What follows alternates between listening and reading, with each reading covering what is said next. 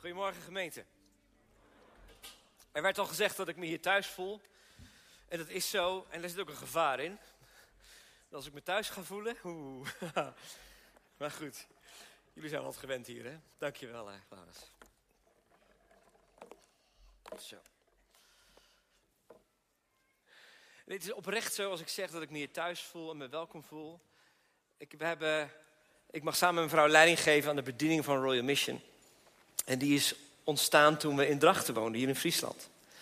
En al in de jaren dat ik daarvoor werkte in de baptistengemeente Bethel in Drachten, kwam ik vaak in de VBG. Toen hier nog in het vorige gebouw zaten, mocht ik daar een training geven waar we bij betrokken zijn. En zo heb ik me zo verbonden gevoeld met deze kerk. En oprecht heb ik altijd gezegd, als ik in de buurt zou wonen, iets meer in de buurt, zou dit mijn thuis zijn. Dus zo voelt het ook echt. Dus dank je wel voor dat gastvrij gevoel en dat ik me hier zo welkom mag heten. Wij mogen leiding geven met een heel mooi team aan het werk van Remission. Waarmee onze droom is herleving van de kerk.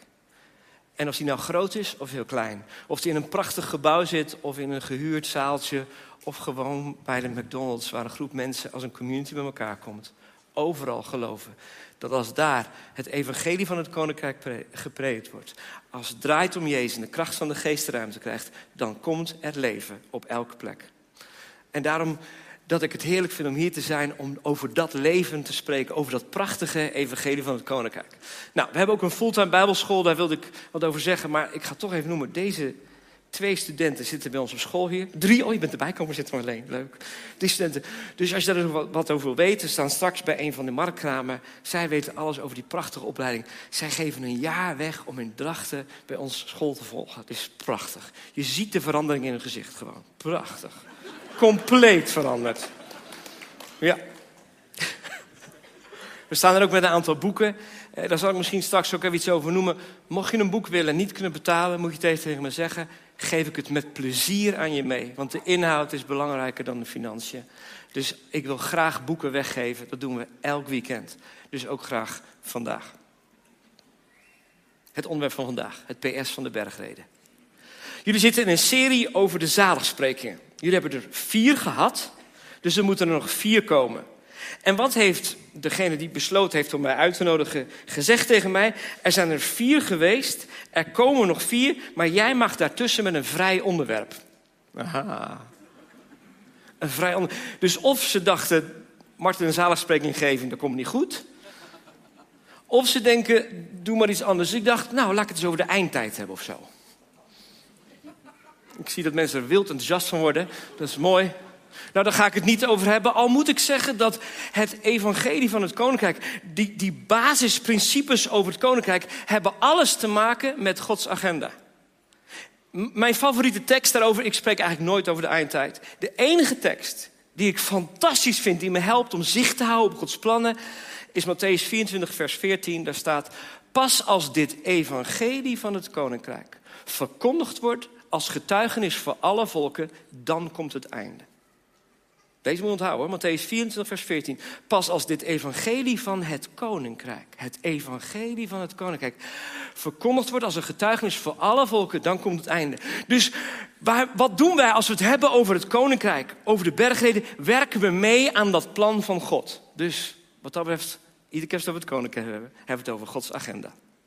En dat wil ik doen met jullie. En jullie zijn begonnen met de zaligsprekingen, daar komen de eerste acht. Dan gaat het over dat we licht zijn, dat we zout zijn. Dan gaat het over, in Matthäus 5 gaat het door over hoe het in het Oude Testament was, maar hoe, het, hoe Jezus het bedoeld heeft. Matthäus 6 gaat over bidden, vasten en geven en geen zorgen maken. Matthäus 7, en dan komen we helemaal naar het einde van de bergreden.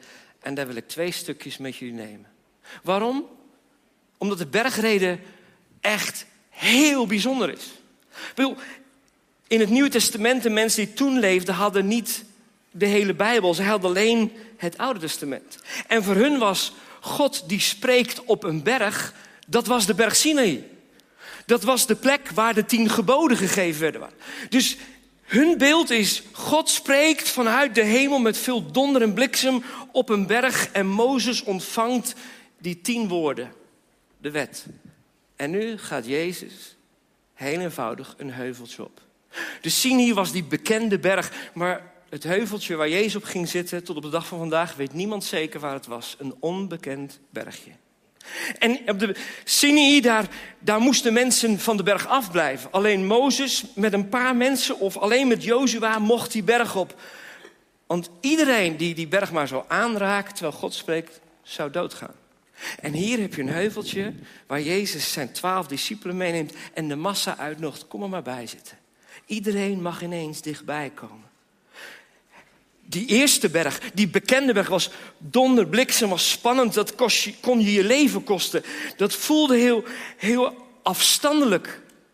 En hier wordt iedereen uitgenodigd. De bergreden legt uit, vertelt ons de dynamiek van het koninkrijk, waarbij iedereen mag komen. Waarbij iedereen mag zitten aan de voeten van Jezus. En het begint niet met gij zult niet, maar het begint met gezegend ben je. Gezezalig ben je als je arm van geest bent, want dan is voor jou het koninkrijk. Gij zult niet, gij zult niet, want anders. En het lijkt wel of alles wordt uitgesloten en hier wordt iedereen ingesloten. Als je maar beseft dat je het zelf niet kunt. En het gevolg van die tien woorden is dat er twaalf stenen worden neergezet als herinnering eraan. Twaalf stenen worden neergezet om te herinneren, dit was de plek. En hier worden twaalf discipelen uitgestuurd als vertegenwoordigers. Hier op die berg, die bekende berg, sterven uiteindelijk kort daarna 3000 mensen. En na dit heuveltje, de bergreden, wordt de kerk gesticht en komen 3000 mensen op één dag tot leven. De Sinai staat voor oordeel en dood. De bergreden, het heuveltje staat voor leven en verkondiging. En de armen wijd open van God. Jij bent welkom. En dan klinkt daar die prachtige toespraak van Jezus, de langste die we eigenlijk op papier hebben, Matthäus 5, 6 en 7. En daar kun je allerlei dingen uit leren. En dan komen we bij het einde van die bergreden. En dan wil ik twee stukjes met jullie lezen. Als, het lijkt alsof Jezus die hele verhalen verteld heeft. En het is een, een evangelie wat alles op zijn kop zet. Ik bedoel, als iemand je een klap op je gezicht geeft, wat moet je dan doen? Bang. Bang. Ja, mooi. Wat moet je dan doen? Die andere wang toekeren. Ik zou zeggen, test het even bij je buurman.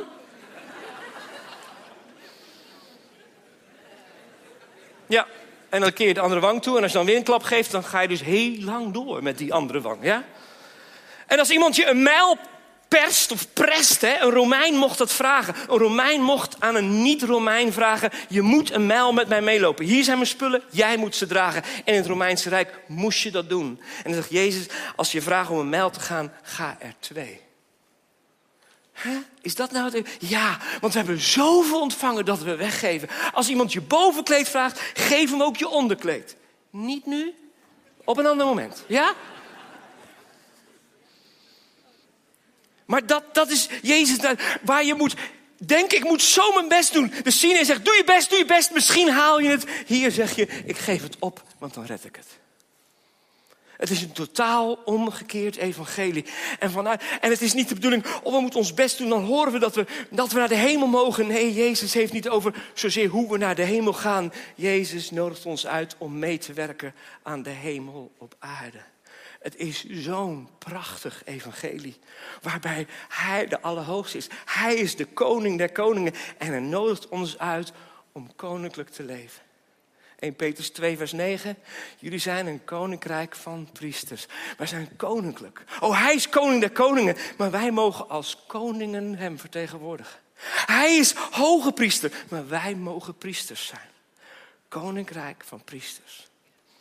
En dat hele verhaal is prachtig en tegelijk aan het einde klinken een paar zeer scherpe woorden in die prachtige toespraak.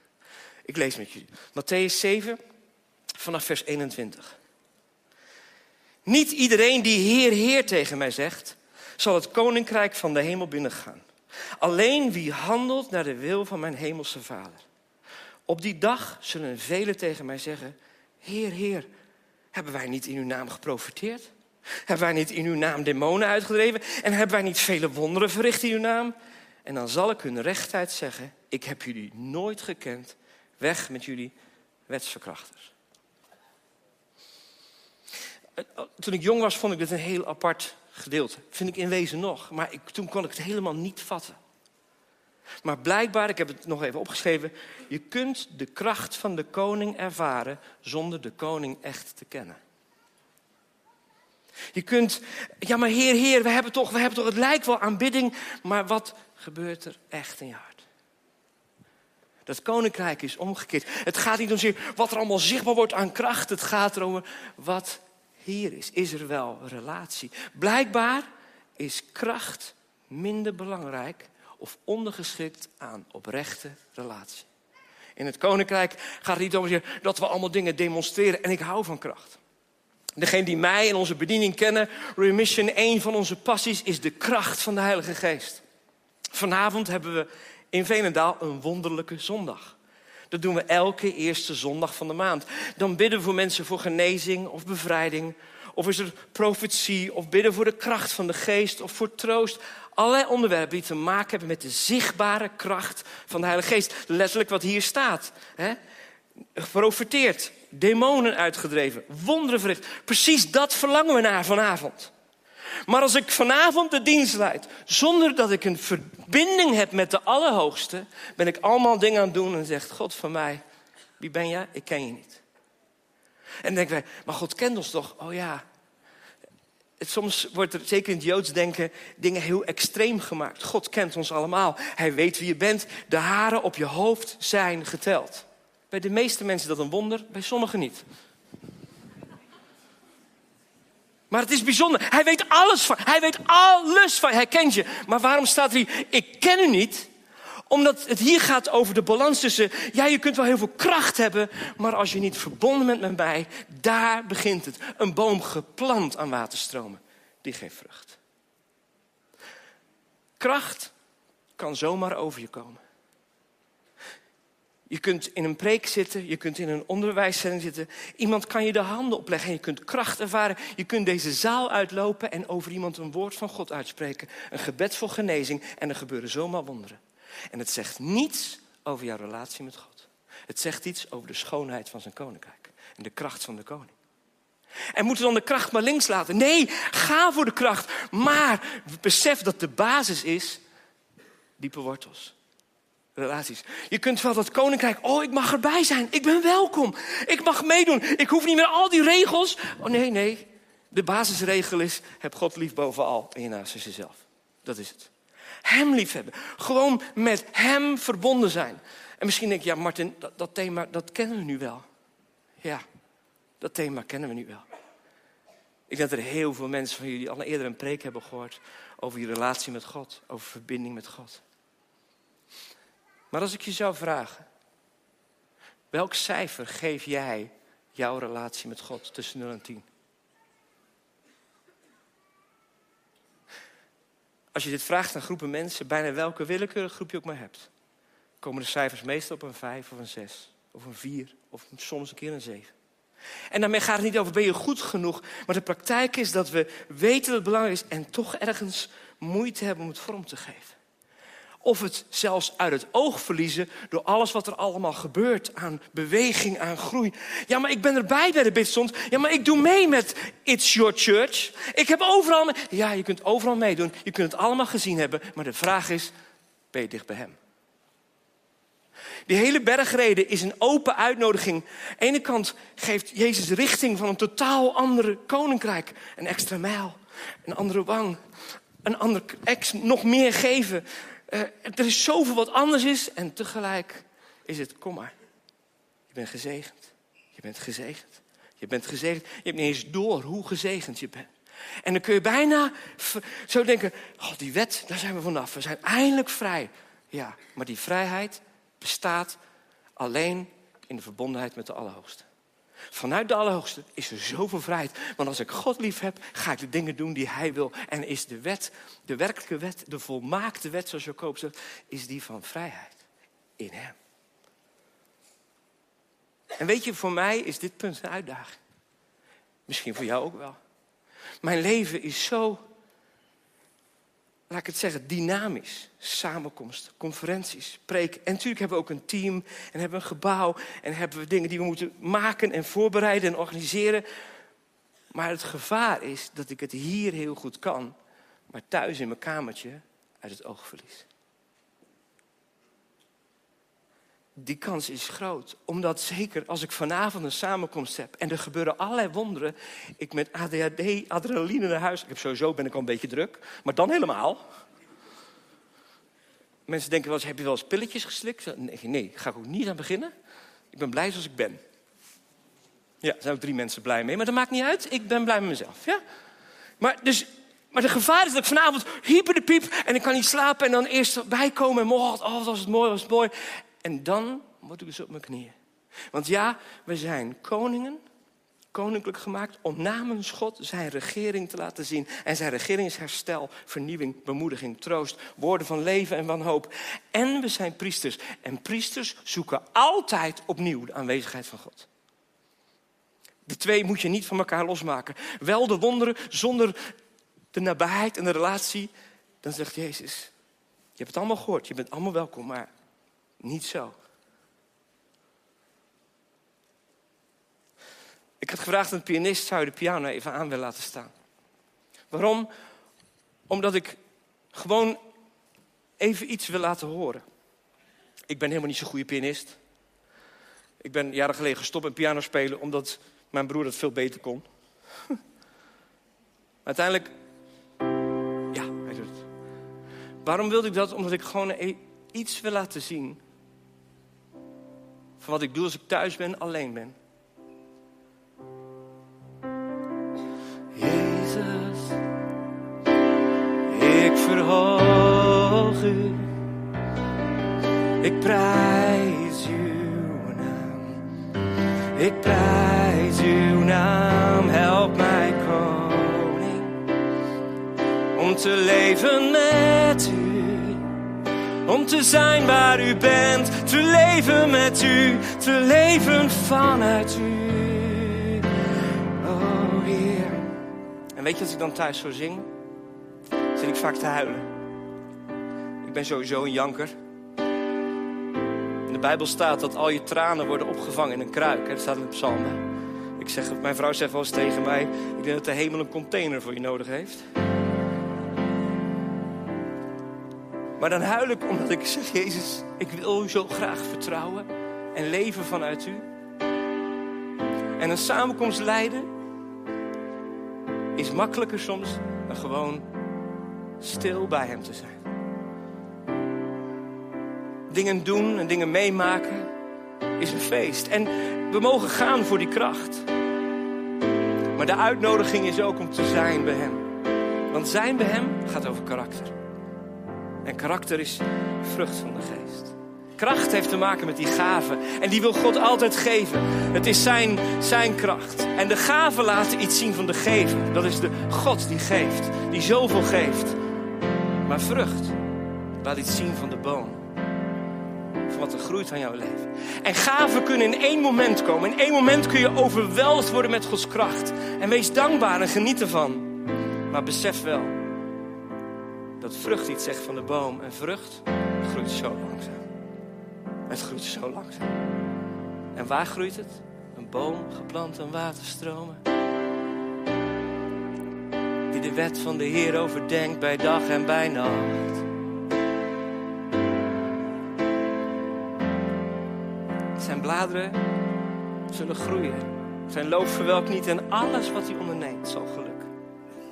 Omdat het dan ontstaat niet vanuit, oh, er is kracht op mijn leven, het ontstaat vanuit de waterstromen door je heen gaan. En het begint te groeien. Als we het hebben, ook de komende vier weken, over die zaligsprekingen, dan word je zo welkom geheten. Het is niet gij zult en gij zult niet, maar je bent gezegend. Je bent gezegend. Je bent gezegend. Je bent gezegend. Kom maar, kom maar bij. Iedereen mag. Sluit aan. Ga om, om Jezus, aan Jezus voeten zitten. Maar besef als de kracht gaat stromen dat je steeds opnieuw terug moet naar Hem. Opdat we vooral lijken op Jezus en niet alleen de kracht van Jezus laten zien. Dat is het eerste wat Jezus zegt. Maar nu kom ik eigenlijk pas tot het echte, het echte PS van de bergreden. Het echte PS. Dat lezen we in Matthäus 7. Vers aan het einde. En ik lees het niet voor, want jullie kennen het stukje. Dan, Jezus heeft de bergreden klaar en zegt hij... Wie deze woorden hoort en ze doet... die lijkt op een man die zijn huis bouwt op een rots. Wie deze woorden hoort en niet doet... die lijkt op een man die zijn huis bouwt op zand. En dan komt de storm en de storm komt bij allebei en die beukt tegen het huis aan. Het huis van de wijze man die hoort en doet, blijft staan. En die van het dwaze man die op het zand bouwt, stort in. En dan heb je waarschijnlijk op de zondagschool, in de kinderclub of de kindernevendienst dit liedje geert. Een wijs man bouwde zijn huis op de rots. Een wijs man bouwde zijn... Tweede couplet. Een dwaas man bouwde zijn huis er zijn maar 16 mensen naar de kinderclub geweest vroeger. Een dwaas, maar waar zijn ze? En dan het derde couplet. Nu ben ik benieuwd, wat is het derde couplet? Dus. Oh, er zijn toch iets meer mensen die dat couplet kennen, ja. Ja, en daar gaat het fout. Ja, daar gaat het fout. Dan denk je, nee, dus, dus bouw je huis op Jezus rot. Ja, het is absoluut waar. Bouw je huis op Jezus rot. Maar dat is niet wat Jezus hier zegt. Nee. Hebben wij al die jaren het verkeerde couplet gezongen? Ja. Dus al die keer, ja, ja. Een wijsman bouwt zijn huis op de rots en de regen en stortregen. En oh, was zo leuk, al die gebaren, dan plettert alles naar beneden en zo. Hè? En dan dwaas. En, en dan dus bouw je huis op. Ja, zeker, bouw je huis op Jezus rots. Dat is het fundament. Maar daar heeft Jezus het hier niet over. Want de bergreden is niet een evangelisatiepreek. Het is een toerustingspreek voor mensen in het koninkrijk. Het zijn voor mensen die al gekozen hebben, Jezus is mijn fundament. Dus deze preek en de bergreden is voor hen die al binnen zijn. En dan heeft Jezus dat hele verhaal verteld. Matthäus 5, 6, 7. En dan zegt, wie deze woorden, deze bergreden hoort en ze doet, lijkt op een man die op rots bouwt. Hoort en niet doet, lijkt op een dwaasman. Dus wat is het fundament? Doen. Doen maakt dat je fundament een rots wordt. En niet horen en niet doen blijft het zand. Dus de crux is niet, dus bouw je huis op je. Nee, dus bouw je huis op. Doe wat Jezus zegt. Zo moet het liedje maken. Dat is een beetje moeilijk voor de kinderclub, maar. Dus bouw je huis op. Doe wat Jezus zegt. Dus bouw. Ja? Zullen we het even oefenen? Het is even een nieuw lied, maar zo hoort het. Dus bouw je huis op. Doe wat Jezus zegt. Dus bouw je huis op. Doe wat. Ja, nou dat is het. U heeft het. Allemaal naar de kinderclub en leg het ze maar uit. Ja? Maar dat is het. Dus het gaat over mensen die al binnen zijn. Wat als je dit hoort en je doet het niet? Dan ben je wel aan het bouwen en je denkt, ik ben goed bezig. Maar je komt in de storm. Iedereen komt in de storm. In het koninkrijk. Dit is voor mensen die binnen zijn.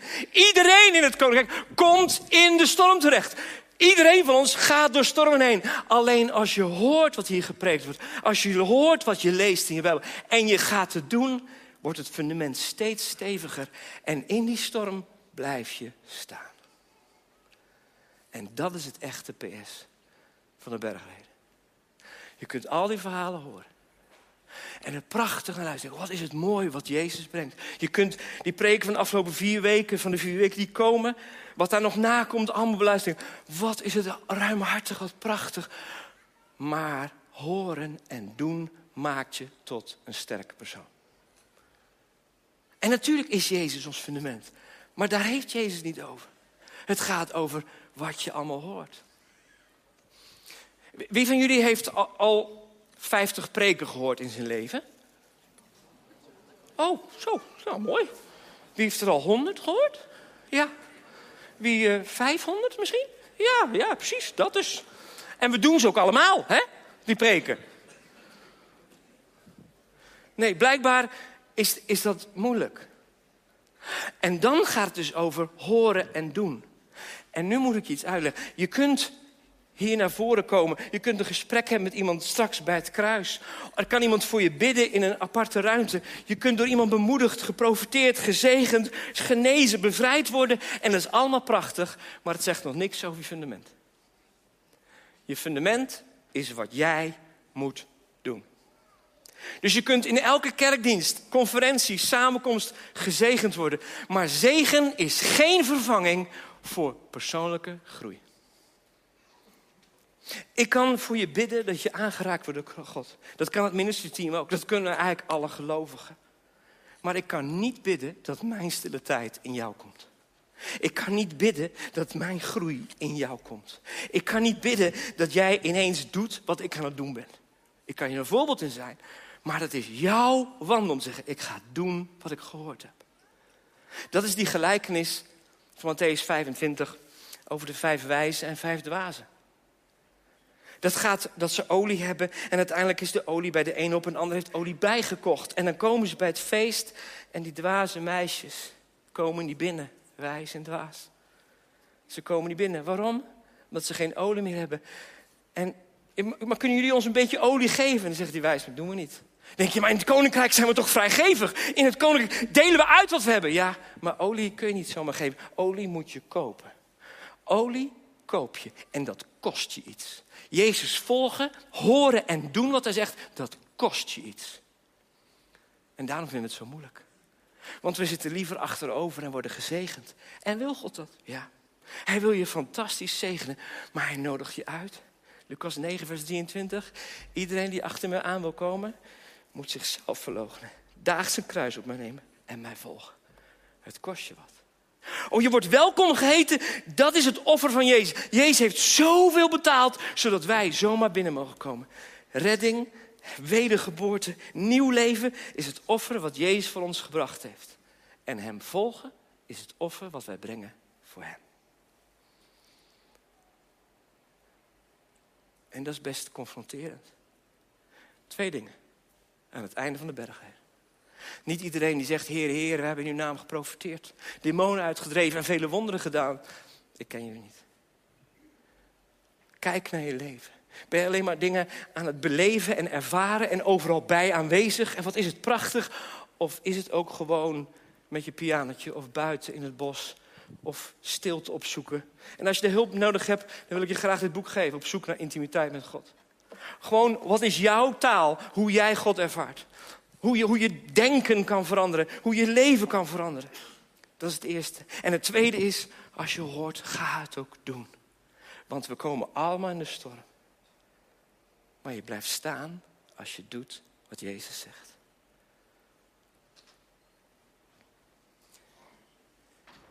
Het raakt me wel eens hoeveel christenen God kwijtraken op het moment dat het moeilijk gaat in hun leven. Dat doet me echt veel. Omdat ik zelf ook een prediker ben. En je preekt, je preekt. En je denkt, en waarom, waarom doen ze het nu niet? Weet je waarom een van de redenen is dat dat preken niet zo effectief is? Klinkt een beetje slecht uit de mond van de prediker. Omdat een mens maar 10% leert door wat hij hoort. Alles wat je leert in je leven, maar 10% leer door mensen die jou dingen hebben toegesproken. Je leert 20% door te overleggen met andere mensen. Daarom dat die communities zo belangrijk zijn om met andere mensen op te trekken. Groei heeft vaak met persoonlijk contact te maken. 10% door wat je hoort, 20% door overleg en 70% door het te gaan doen. Ik ben net terug van een reis naar het buitenland, om mij af te sluiten. En dat is een land waar dingen heel anders zijn dan hier. En we hadden een huurauto en ik denk ineens, en de navigatie werkte niet. En ik was compleet in paniek. Ik denk, hoe doen we dit? Straks vind ik het hotel waar ik ben, vind ik niet meer terug. En, nou, en uiteindelijk krijg je de boel onder gang. En na drie dagen, ik waren er acht dagen, had ik de boel onder controle rekenen. Bijna fluitend door de stad heen. Hoe kwam het? Hoe heb ik het geleerd? Niet door een training online, hoe moet je rijden in deze stad. Maar gewoon door het te doen. Een mens leert door te doen. En dat voelt in het begin altijd heel vervelend. Want die eerste dag met die auto dacht ik, dit gaat helemaal fout. En uiteindelijk raak je helemaal gewend. Waarom? Omdat je door dat heen gaat van, ik ga het nu doen. Welk van de twee geldt voor jou? Niet alleen maar wonderen en dingen ervaren, dingen beleven en overal bij zijn, maar gewoon bij Jezus zijn. Of het andere wat je hoort, ga het nou doen. Ga nou doen, zodat dat fundament stevig wordt. Zodat in de storm je blijft staan. Want ook in het koninkrijk ga je door stormen heen. En daar wil Jezus je doorheen dragen. Doordat je gaat doen wat hij zegt. Amen. Zullen we elkaar gaan staan?